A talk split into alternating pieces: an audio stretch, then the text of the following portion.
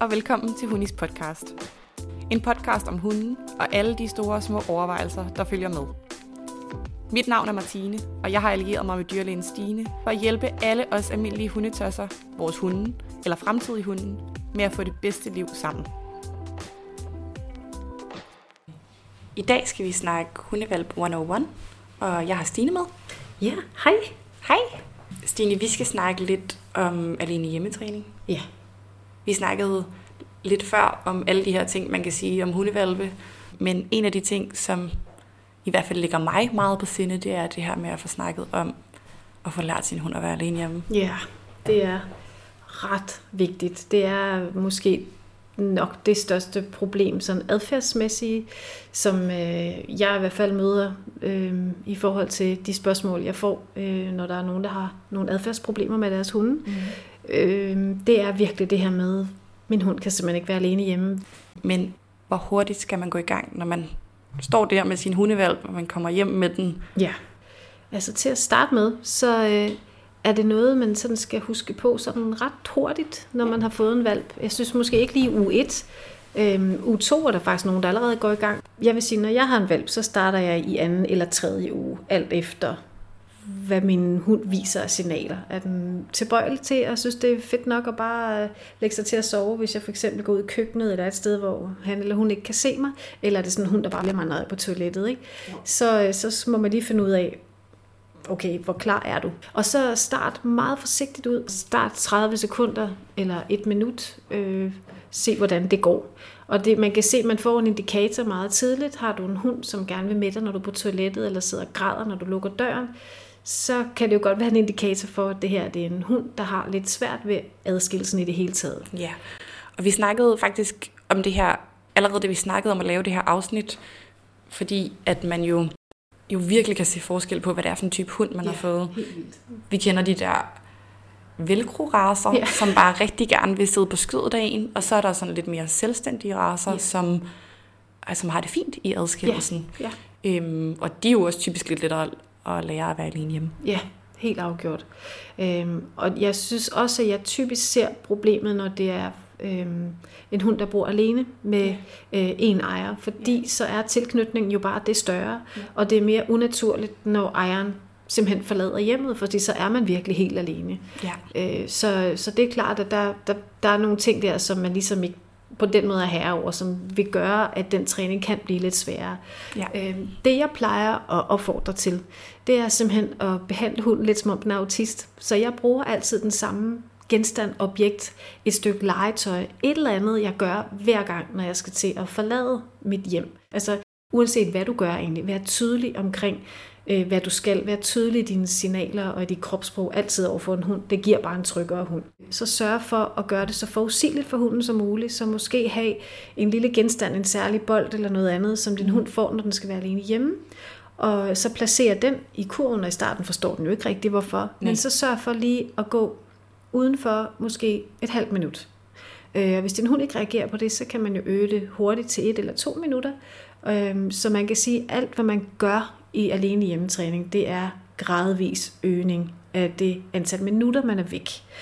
Der, hvor der øh, altså hvor det virker bedst, det er jo netop, hvis, hvis hunden hele tiden kan regne ud, hvad det er, der skal ske, så det ja. bliver sådan et chok for hunden, at du pludselig er væk. Mm.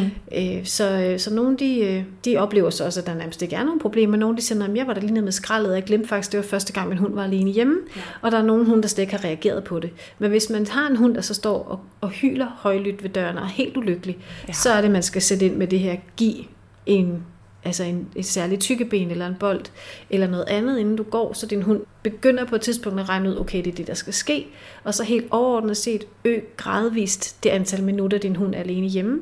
Og hvis din hund bliver meget ked af det, så må du skrue lidt tilbage. Altså hvis du tænkte, hey, nu var komme op på 10 minutter, det gik godt, men fra de 7 til de 10 minutter, der begyndte hun at blive rigtig ked af det, så må du gå tilbage til de 7 minutter igen, mm. og, og øve det nogle gange, inden man så øger det igen med et par minutter. Men jeg vil sige, at alt skal være gradvist. Øhm, og hvis din hund bliver meget ked af det, så prøv at se, om ikke du kan gå lidt tilbage i det antal minutter, det er alene hjemme. Og så må du prøve lige så stille at skrue op for det igen. Ja. Så hvis man skal sige sådan, når man kommer hjem med sin hundevalp, mm. afhængig af hvor lang tid man har, så kan man jo prøve at lure den an. Ja. Prøve at se, går det, at man går ud og tisser, uden at den sidder ude foran døren og hyler. Ja, ja. Og hvis den ikke gør det, så, så har man faktisk allerede, så er man op på det her første halve Lige minut. præcis, så, kan man, så er man faktisk allerede i gang, måske på dag to, med sin alene hjemmetræning. Mm. Ja. Og så måske, hvis det går rigtig godt de første par gange, man går på toilettet, så kan man jo lige bruge lidt ekstra tid på at vaske hænder. ja. Så det er i de her, altså inden for de første par uger, er I måske i halve minutter, Ja. man Ja. skal lære op. Ja. Øhm, noget af det, som vi rigtig tit bliver spurgt om i butikken, det er, hvor langt skal jeg gå væk, før jeg er alene hjemmetræner? Ja. Alene træ- hjemmetræner jeg også, hvis jeg lukker den ind i soveværelset, og så står ude foran døren. ja. Eller er det nok, at jeg beder den om at ligge i stuen, og så står jeg i køkkenet? Igen, der må man også prøve sig lidt frem, fordi der er netop nogle hunde, hvor hvis du bare er gået uden for døren, så er de sådan lidt, nå, nu er jeg alene hjemme, og så lægger de sig til at sove. Ja. Men der er også andre, de kan jo sagtens lugte, hvor man er. Jeg har mange, for eksempel, der bor i lejlighed, der siger, hvis de står ude for døren, eller hvis de endda går helt ned, øhm, hvis de bor på tredje sal og går helt ned og går udenfor, så kan de stadigvæk høre deres hund græde. Men hvis de så er gået op for enden af vejen, og de så Mhm. har en, der står og lytter, så siger de, det øjeblik, man så er væk, så hunden ikke kan lugte den mere, så holder de faktisk op med at være kede af det. Ja. Så det er jo også noget med faktisk at alliere sig med nogle andre, øh, eller få, nogen har sådan en overvågningskamera, Ja. fordi man kan ikke altid helt stole på, at lige den oplevelse, du har, at det er en del af sandheden. Fordi Nej. det er ikke sikkert, at din hund vil stå og græde i fire timer, hvis du stod øh, udenfor, ville måske Nej. græde, men hvis du var 500 meter længere op ad vejen, så ville den ikke være ked af det. Og det er simpelthen, fordi den kan lugte dig eller høre dig. Øhm, så allier dig meget gerne med en anden øh, i den her træningsfase. Gerne en nabo, hvis man har en, der, der, der vil være behjælpelig. Det er en kæmpe hjælp. Jeg havde min computer stående på bordet, fordi jeg nemlig også ofte oplever det her med, at når man står på den anden side af døren, så er det jo klart, at ens hund kalder på en. Ja. Sådan, hvorfor skal jeg være her, Ja. ja. når du er lige derude? Ikke? Ja. Øhm, og så kunne, man, så kunne jeg filme, og så kunne jeg se, Ja. på den måde se, hvor mange minutter der gik, før hun faldt til ro, Ja. eller begyndte hun at stå og pive og småhyle-agtigt. Ja. Øhm, hvad så, hvis man står der væk og kigger på sin telefon, og det egentlig gik meget godt, og så lige pludselig begynder den at hyle? ja. Er der så sådan en... Skal man vente til den stopper med at hyle, hvis den gør det, eller... Jeg kan sige, der, igen, der sker meget øh, inden for, øh, for adfærdsterapien, altså de her år, fordi før i tiden, så sagde man jo rigtig meget, at i det øjeblik, din hund den så begyndte at blive vild, så skulle du i hvert fald ikke gå tilbage, fordi du skulle ligesom vente til hunden den var rolig igen, men det er jo rigtigt, hvad nu hvis hunden slet ikke bliver rolig, og det faktisk bare kommer helt over. Ja. Øh, Så jeg vil sige, jeg synes, øh, man skal i det hele taget, uanset hvordan den er i starten der, så skal man ikke øge antallet af minutter alt for meget. Man skal ikke nødvendigvis udnytte, at hunden faktisk er rolig. Jeg vil sige, hvis du har besluttet dig for i dag 5 minutter, i morgen 7 minutter, og din hund faktisk tager det rigtig pænt, så hold dig egentlig endelig til planen. Ja. Fordi lige pludselig kan du altså, have brudt en, en magisk grænse for, hvad hun egentlig ja. synes var okay. Øhm, men altså, hvis din hund ligesom er blevet rigtig ked af det, så vil jeg gå tilbage, øh, selvom man egentlig før i tiden fik at vide, at du skal først komme tilbage, når hunden er rolig, fordi ellers så lærer den, at når du står når den står og græder og hyler, så kommer du ind ad døren. Ja. Øhm, og jeg vil sige, at det er en adfærd, jeg synes, der har fået mange i, Mm. i ret store problemer, og det har været svært at bryde den igen. Helt sikkert. Jeg vil sige, hvis det sker, så synes jeg faktisk, at man ligesom, så må man starte forfra. Ja. Øh, og så er der nogen, der gør det, de simpelthen tager en, en, øh, en ny metode i brug. Ja. Øh, og det kan for eksempel være at købe et bur, som hunden kan se ud af. Øh, fordi nogle hunde, de patruljerer rigtig meget. De er meget urolige og går rundt. Mm. Øh, det kan være, at man har en stor lejlighed, det kan være, at man har et stort hus, hvor de også kan kigge ud. Mm. Og så er der en masse andre ting, som de ligesom holder øje med, og som kan få stressniveauet lidt op. Øhm, Så for nogle hunde, der fungerer det faktisk at, at lægge dem ind i et bur. Det er, altså for mig er det sådan, jeg vil ikke sige sidste udvej, men det er ikke den første metode, jeg bruger. Nej.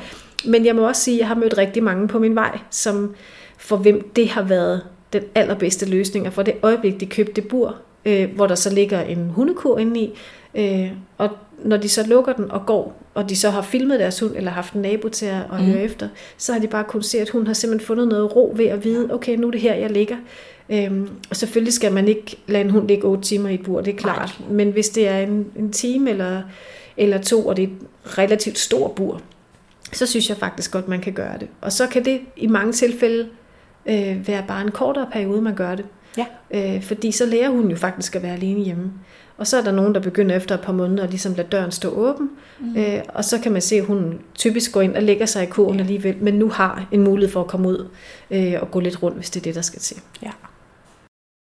Jeg hører tit det her med, at folk kører noget vådfoder på nogle slikkemotter eller et eller andet. Ja, ja.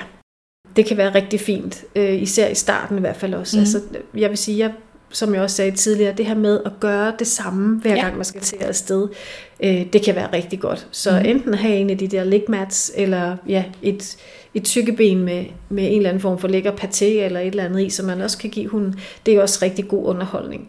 Mm. Øh, men man kan sige, det der jo nogle gange så sker, det er, at de bliver ked af det, når de så er færdige med at ja, spise. det er klart. Øh, og især når de er små og bare rigtig gerne vil have, at altså, mm. de vil gerne lege, og der skal ske noget, ja. øh, så kan man sige, så gør det det nemmere for ejeren i det mm. øjeblik, for man tænker, ej, min hund er i gang med noget andet.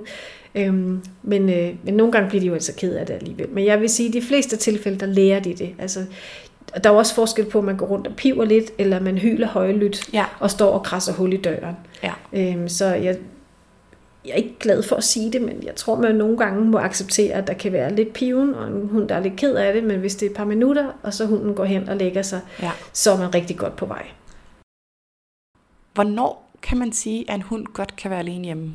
Hvis man nu faktisk har ret god mulighed for at kunne være hjemme, hvis man arbejder en del hjemme, eller øhm, hvor mange timer eller halve timer skal man være oppe på, før man kan sige, nu kan du godt begynde at skalere rigtigt op?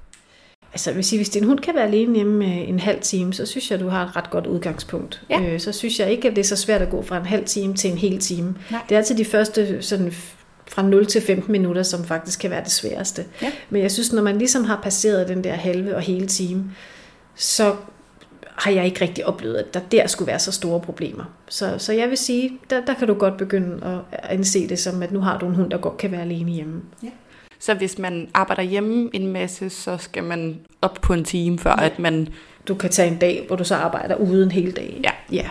Og så er det vel stadig der, at man siger, okay, det er fedt, at din hund har prøvet at være alene tre timer, før ja. den skal prøve at være alene otte timer. Ja, helt klart. Altså altid øge det gradvist. Det er absolut det bedste. Mm. Men altså, jeg møder der også tit nogen, der siger, okay, der, vi er jo kun op på tre timer, da øh, du ved, vores sommerferie var slut, og vi skulle til at arbejde, og pludselig så skulle hun være alene hjemme i 8 timer, og har klaret det super fint. Ja. Øhm, så det er heller ikke altid det et problem. Men, mm. men man ser det typisk allerede helt i starten, ved de lidt få minutter der. Ja. ja. Så fra 0 til 15? Ja, det er det, man virkelig skal sætte ind på at træne, og træne det sådan, hvor man går ret regelmæssigt og metodisk frem, så man ikke sådan kommer til at karte lidt rundt i det, at en dag tager et minut, og pludselig lige ryger op på 20 minutter. Det vil Nej. være lidt synd. Det, det er der, det kan gå lidt galt. Ja. Og når man så kører de her intervaller, så var det det her med at have en fast rutine yeah. over det. Så det er forudsigeligt for hunden. Helt sikkert. Så faste rutiner og forudsigelighed, det, det kan hunden ret godt lide. Ja. Det giver tryghed.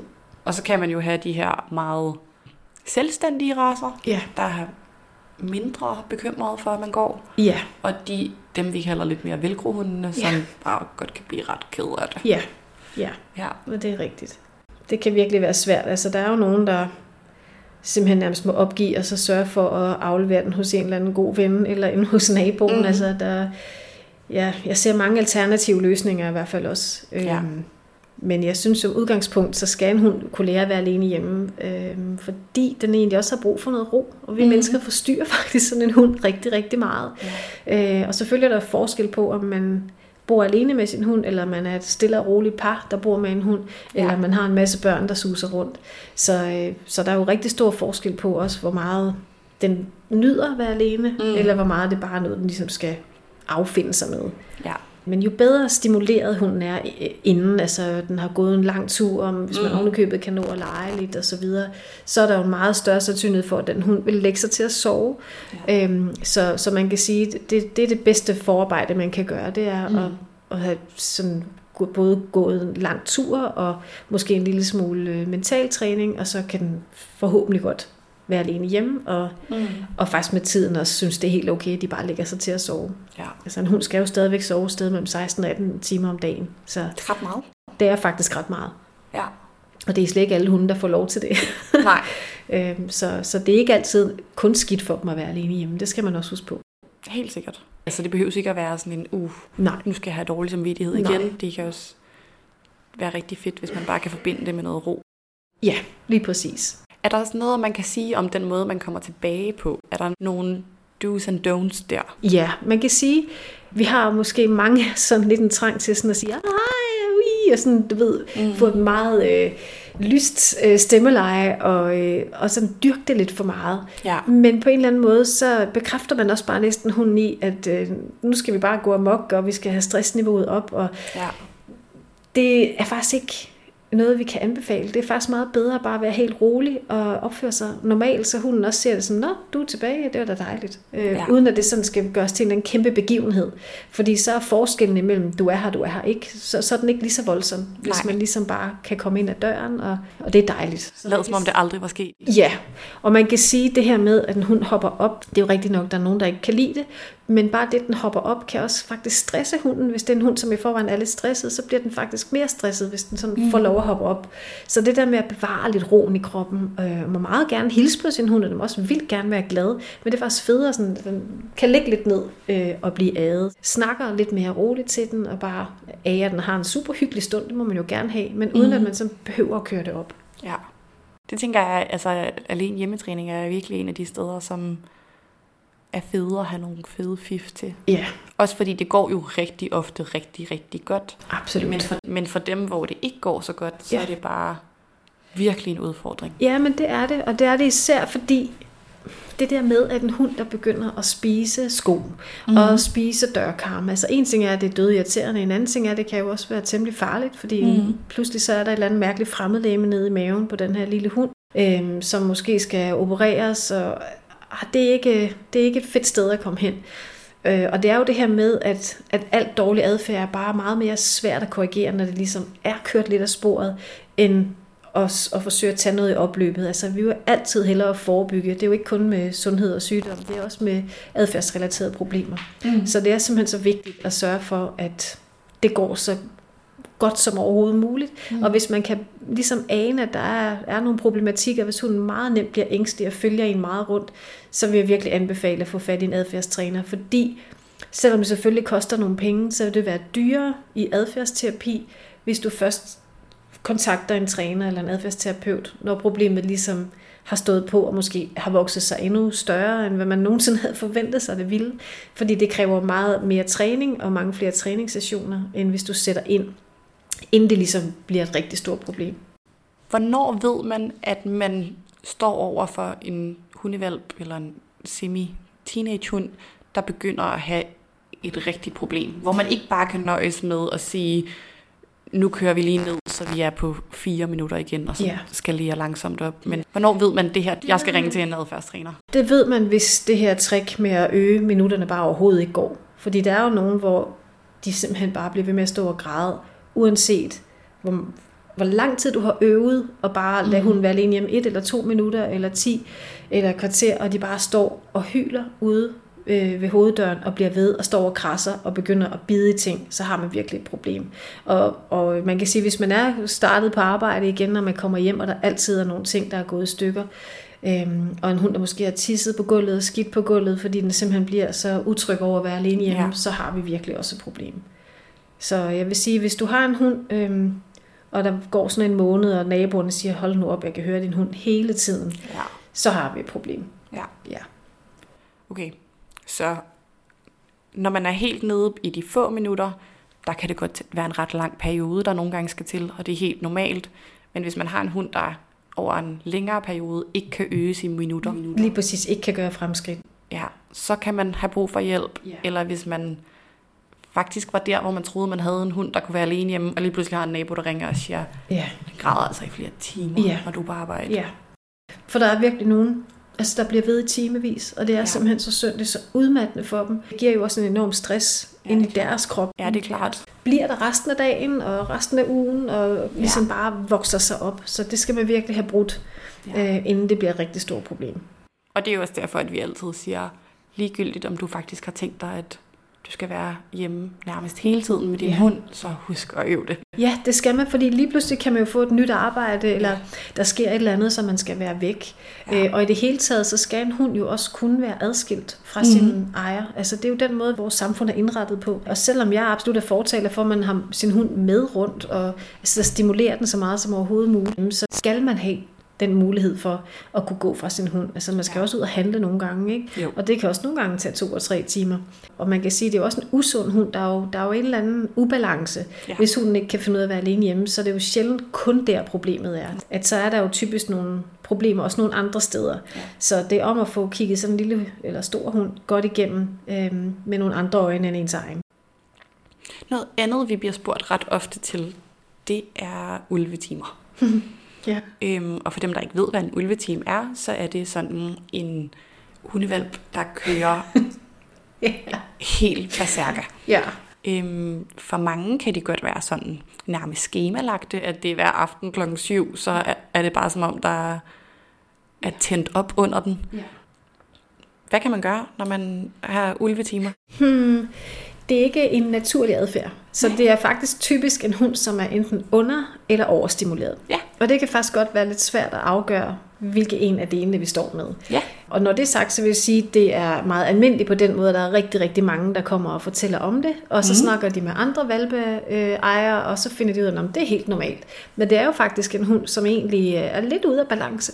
Ja. Øh, fordi man skal ikke have sådan nogle flip, hvor man Mhm. er nærmest uden for pædagogisk rækkevidde, og som kan vare næsten en time. Øhm, og det jeg jo typisk hører, det er jo netop en hund, nærmest løber rundt i cirkler. Øh, og bider fuldstændig uhemmet i alting, og hvor man normalt har en sød hund, der godt kan slappe lidt af, og man kan sige nej. Det er som om, at der er intet, altså alt praller af, der er ikke noget, der siver ind. Øhm, men man kan også se den måde, de løber rundt på, at der er simpelthen stress i hele systemet. Mm. Så det er en hund, som faktisk har brug for hjælp til at komme ud af det her stressmønster, som en stakt hund er inde i. Ja. Øh, så det er noget med at holde rigtig godt øje. Altså skriv gerne dagbog. Jeg ved godt, det kan mm. nogle gange være sådan lidt, mener du virkelig det? Ja, det gør faktisk, fordi det er ret vigtigt at finde ud af, om det er en over- eller en understimulering. Ja. Og man kan sige, hvis man er en børnefamilie, så vil det typisk være en overstimulering. Mm. Øh, og hvis man lever et meget mere stilfærdigt liv, så kan det være en understimulering. Så, så jeg vil sige, det, det er vigtigt, at man aflæser sin hund, Mm. og, øh, og selvfølgelig også lige husker lidt på, at en lille hundevalg må faktisk gerne sove øh, op til 20 timer i døgnet. Ja. Så hvis den nu har været ude at lege et eller andet sted i fire timer, så er man jo faktisk gået ret langt over den periode, som vil være øh, en sund legetime for en hund. Så, så der vil det i hvert fald være vigtigt, at man simpelthen hjælper sin hund med at sige, nu skal den simpelthen have noget ro. Så øh, hold godt øje med tiden. Og de her ulvetimer, som der er, er jo, jeg tror, det er jo i en lidt forskellig grad. Ja. Og man kan sige, hvis man har en hund, der kører helt, helt op, Ja, så er det jo virkelig vigtigt at være opmærksom her. ja, Øhm, og ja, dagbøger er en mega smart måde. Også fordi, så kan man faktisk godt skemalægge det lidt. Hvis man ved, okay, det er altid klokken 19, så kan man finde ud af, om det er fordi, man gør for meget eller for lidt. ja, Man kan også finde ud af, om det er fordi, at der sker en adfærd lige op til klokken 19. ja, At det altid er der, at man forventer, at ens hund er helt vildt rolig. ja. Øhm, jeg plejer at anbefale til folk, at de så kan skemalægge noget fedt inden. Så hvis man ved, det er klokken, omkring klokken 8, så kan man have det der mega fede stykke legetøj, Ja. som er gemt væk, og så klokken halv otte eller kvart i otte, så kommer det frem, og så kan den ligesom fokusere lidt der. Ja, ja. Ja, eller gå en tur. Mm. Altså tage hunden ud. Det der med at bryde det, Ja. som man er i. Mm. Et, altså et miljøskift af den ene eller den anden art, kan i hvert fald også være rigtig godt. Mm. Jeg oplevede det så med min gadehund, som så godt nok ikke er valp, men de, har jo, de kan nogle gange opføre sig som valpe også. Hvor Ja. hun også havde sådan en periode, øhm, især når hun havde været ude at gå, fordi mm. Hun blev meget, meget stresset og overstimuleret af at komme ud og gå øh, Ja. i starten. Så løb hun også rundt som sådan en anden valp. Og der måtte vi så simpelthen bare altså, nærmest sætte os med hende, altså Mm. sidde og holde hende og age hende, og så give hende et godbid. Det var den måde, vi så kunne få hende ned på. Ja. Øhm, og jeg havde også sådan næsten forventet, at min hundevalp, som jeg fik her for, for fire måneder siden, også skulle have de der valpeture, fordi det har jeg jo også altid selv oplevet, da jeg var barn. Hvor det så gik op for mig, det er jo faktisk ikke alle hunde, der har det, Nej. og man så lige husker på, om det faktisk heller ikke noget, de sådan på den måde skal have i naturen. Nej. Altså, og når det er sagt, så må man godt have en hund, der bliver lidt vild og sådan lige kører Mhm. mm-hmm. en lille smule op, men hvor man ligesom kan mærke, okay, det er fem minutter, så er der sådan en naturlig øh, opbremsning igen, så, Mhm. mm. ved, så falder hunden naturligt til ro, eller får lige lidt hjælp til det. Ja. Men det der med at køre helt op og drøne rundt som sådan fuldstændig vild øh, tosse i, Ja. i halve og næsten hele timer, altså det er virkelig usundt, fordi det giver en stress, som man simpelthen kan måle i hele systemet. Og man kan også typisk se, øh, at det er de hunde, der lider lidt meget af dårlig mave. Ja. Øh, fordi alt det der stress, det går faktisk rigtig meget i maven på dem. Mm. Så der er nogle af de der hundevalpe, som simpelthen bare har tynd mave hele tiden, men ja. hvor vi ikke kan påvise parasitter eller bakterier eller andet, men det simpelthen er stress, fordi man ikke får hjulpet hunden med at falde ned. Hvis man nu har, om det er ulvetimer, eller når den er ude at lege, en hund, der kører op i en spids. Ja. Er der så sådan et... Nu ved jeg godt, det bliver nærmest lidt hundetræneragtigt, og det er jo heller ikke, fordi det er meningen, men hvad er, sådan, er der et godt tip til, hvordan man stopper sin hund, når den er på vej til at køre op? Ja, altså jeg synes faktisk, det bedste, man kan gøre, det er det der med at have fysisk kontakt. Ja. Altså simpelthen sørge for at øh, sætte sig sammen med sin hund, måske gerne nede på gulvet, et sted, mm. hvor der er noget ro, og så øh, holde hunden, og så simpelthen age hunden og give den noget fysisk kontakt, og så en eller anden form for mental, øh, noget stimulering af lugtesansen, altså give nogle rigtig lækre godbidder. Igen noget, der kan få hunden ud af det der mode, som den er kommet ind i. Mm. Og der, hunden de elsker bare at bruge deres lugtesans, så der kan vi virkelig udnytte, at de rigtig gerne vil dufte til ting, ja. øhm, og forhåbentlig gerne vil spise nogle ting, mm. øh, og så samtidig med at få den der ro ind i kroppen. Ja. Øhm, så, så det er simpelthen det bedste, man kan gøre. Hvis man nu har børn, er det så et af de steder, hvor man kan lukke sin hund væk, eller kan man risikere at skalere stressen, eller hvad, hvad gør man der? Hmm. Der er det også vigtigt, at man, når man får en hund, man både opdrager sine børn ja. og sin hund. Øh, for det er ret vigtigt, at børnene respekterer, at hunden også har nogle øh, mm. grænser, og at hunden i den grad også skal have lov til at sove og skal have noget ro. Det kan godt være svært det der med at lave sådan en fysisk total adskillelse, men ja. det kan være rigtig fint at have sådan en, øh, et børnegitterlåge, mm. øh, så man kan lægge hunden ind i et rum, og man kan have børnene i et andet, men hunden kan stadigvæk se ja. øh, ind og føler sig ikke på den måde adskilt. Nej. men er ligesom beskyttet lidt for de her børn. Mm. Fordi hvis man nu har helt små børn, så kan det være svært for dem øh, helt at overholde at nu skal du altså ikke lige gå hen til en lille valg, fordi nu sover han eller hun. Og det øjeblik, man vender sig rundt og lige går ud i køkkenet for at starte på aftensmaden, så har ens barn været inde og, og tage den her stakkels valp op igen. Ikke? Jo. Så det kan være rigtig fint med de her gitterlåger. Også fordi man vil netop kommer til at snakke overstimulering her. Ja, lige præcis. Det er typisk der, hvor det virkelig bliver overstimuleret. Eller lægger sig til at sove, for der er heldigvis også nogen, der bare er rigtig gode til. Ikke? Men, øh, men det er ret vigtigt, at man snakker rigtig meget med sine børn. Mm. Øhm, og det er ikke kun af hunden, man opdrager. Det er faktisk af alle, ja. der skal opdrages. Dejligt. Ja, øhm, det tror jeg egentlig sådan nogenlunde var det. Og hvis man har nogle spørgsmål, så er man jo selvfølgelig altid velkommen til at komme ned i Huni og snakke om hundevalpe. Vi har heldigvis ret mange igennem. Eller også øh, ringe til dig, Stine. Man er meget velkommen. Så godt. Mm. Perfekt. Tak for i dag. Selv tak.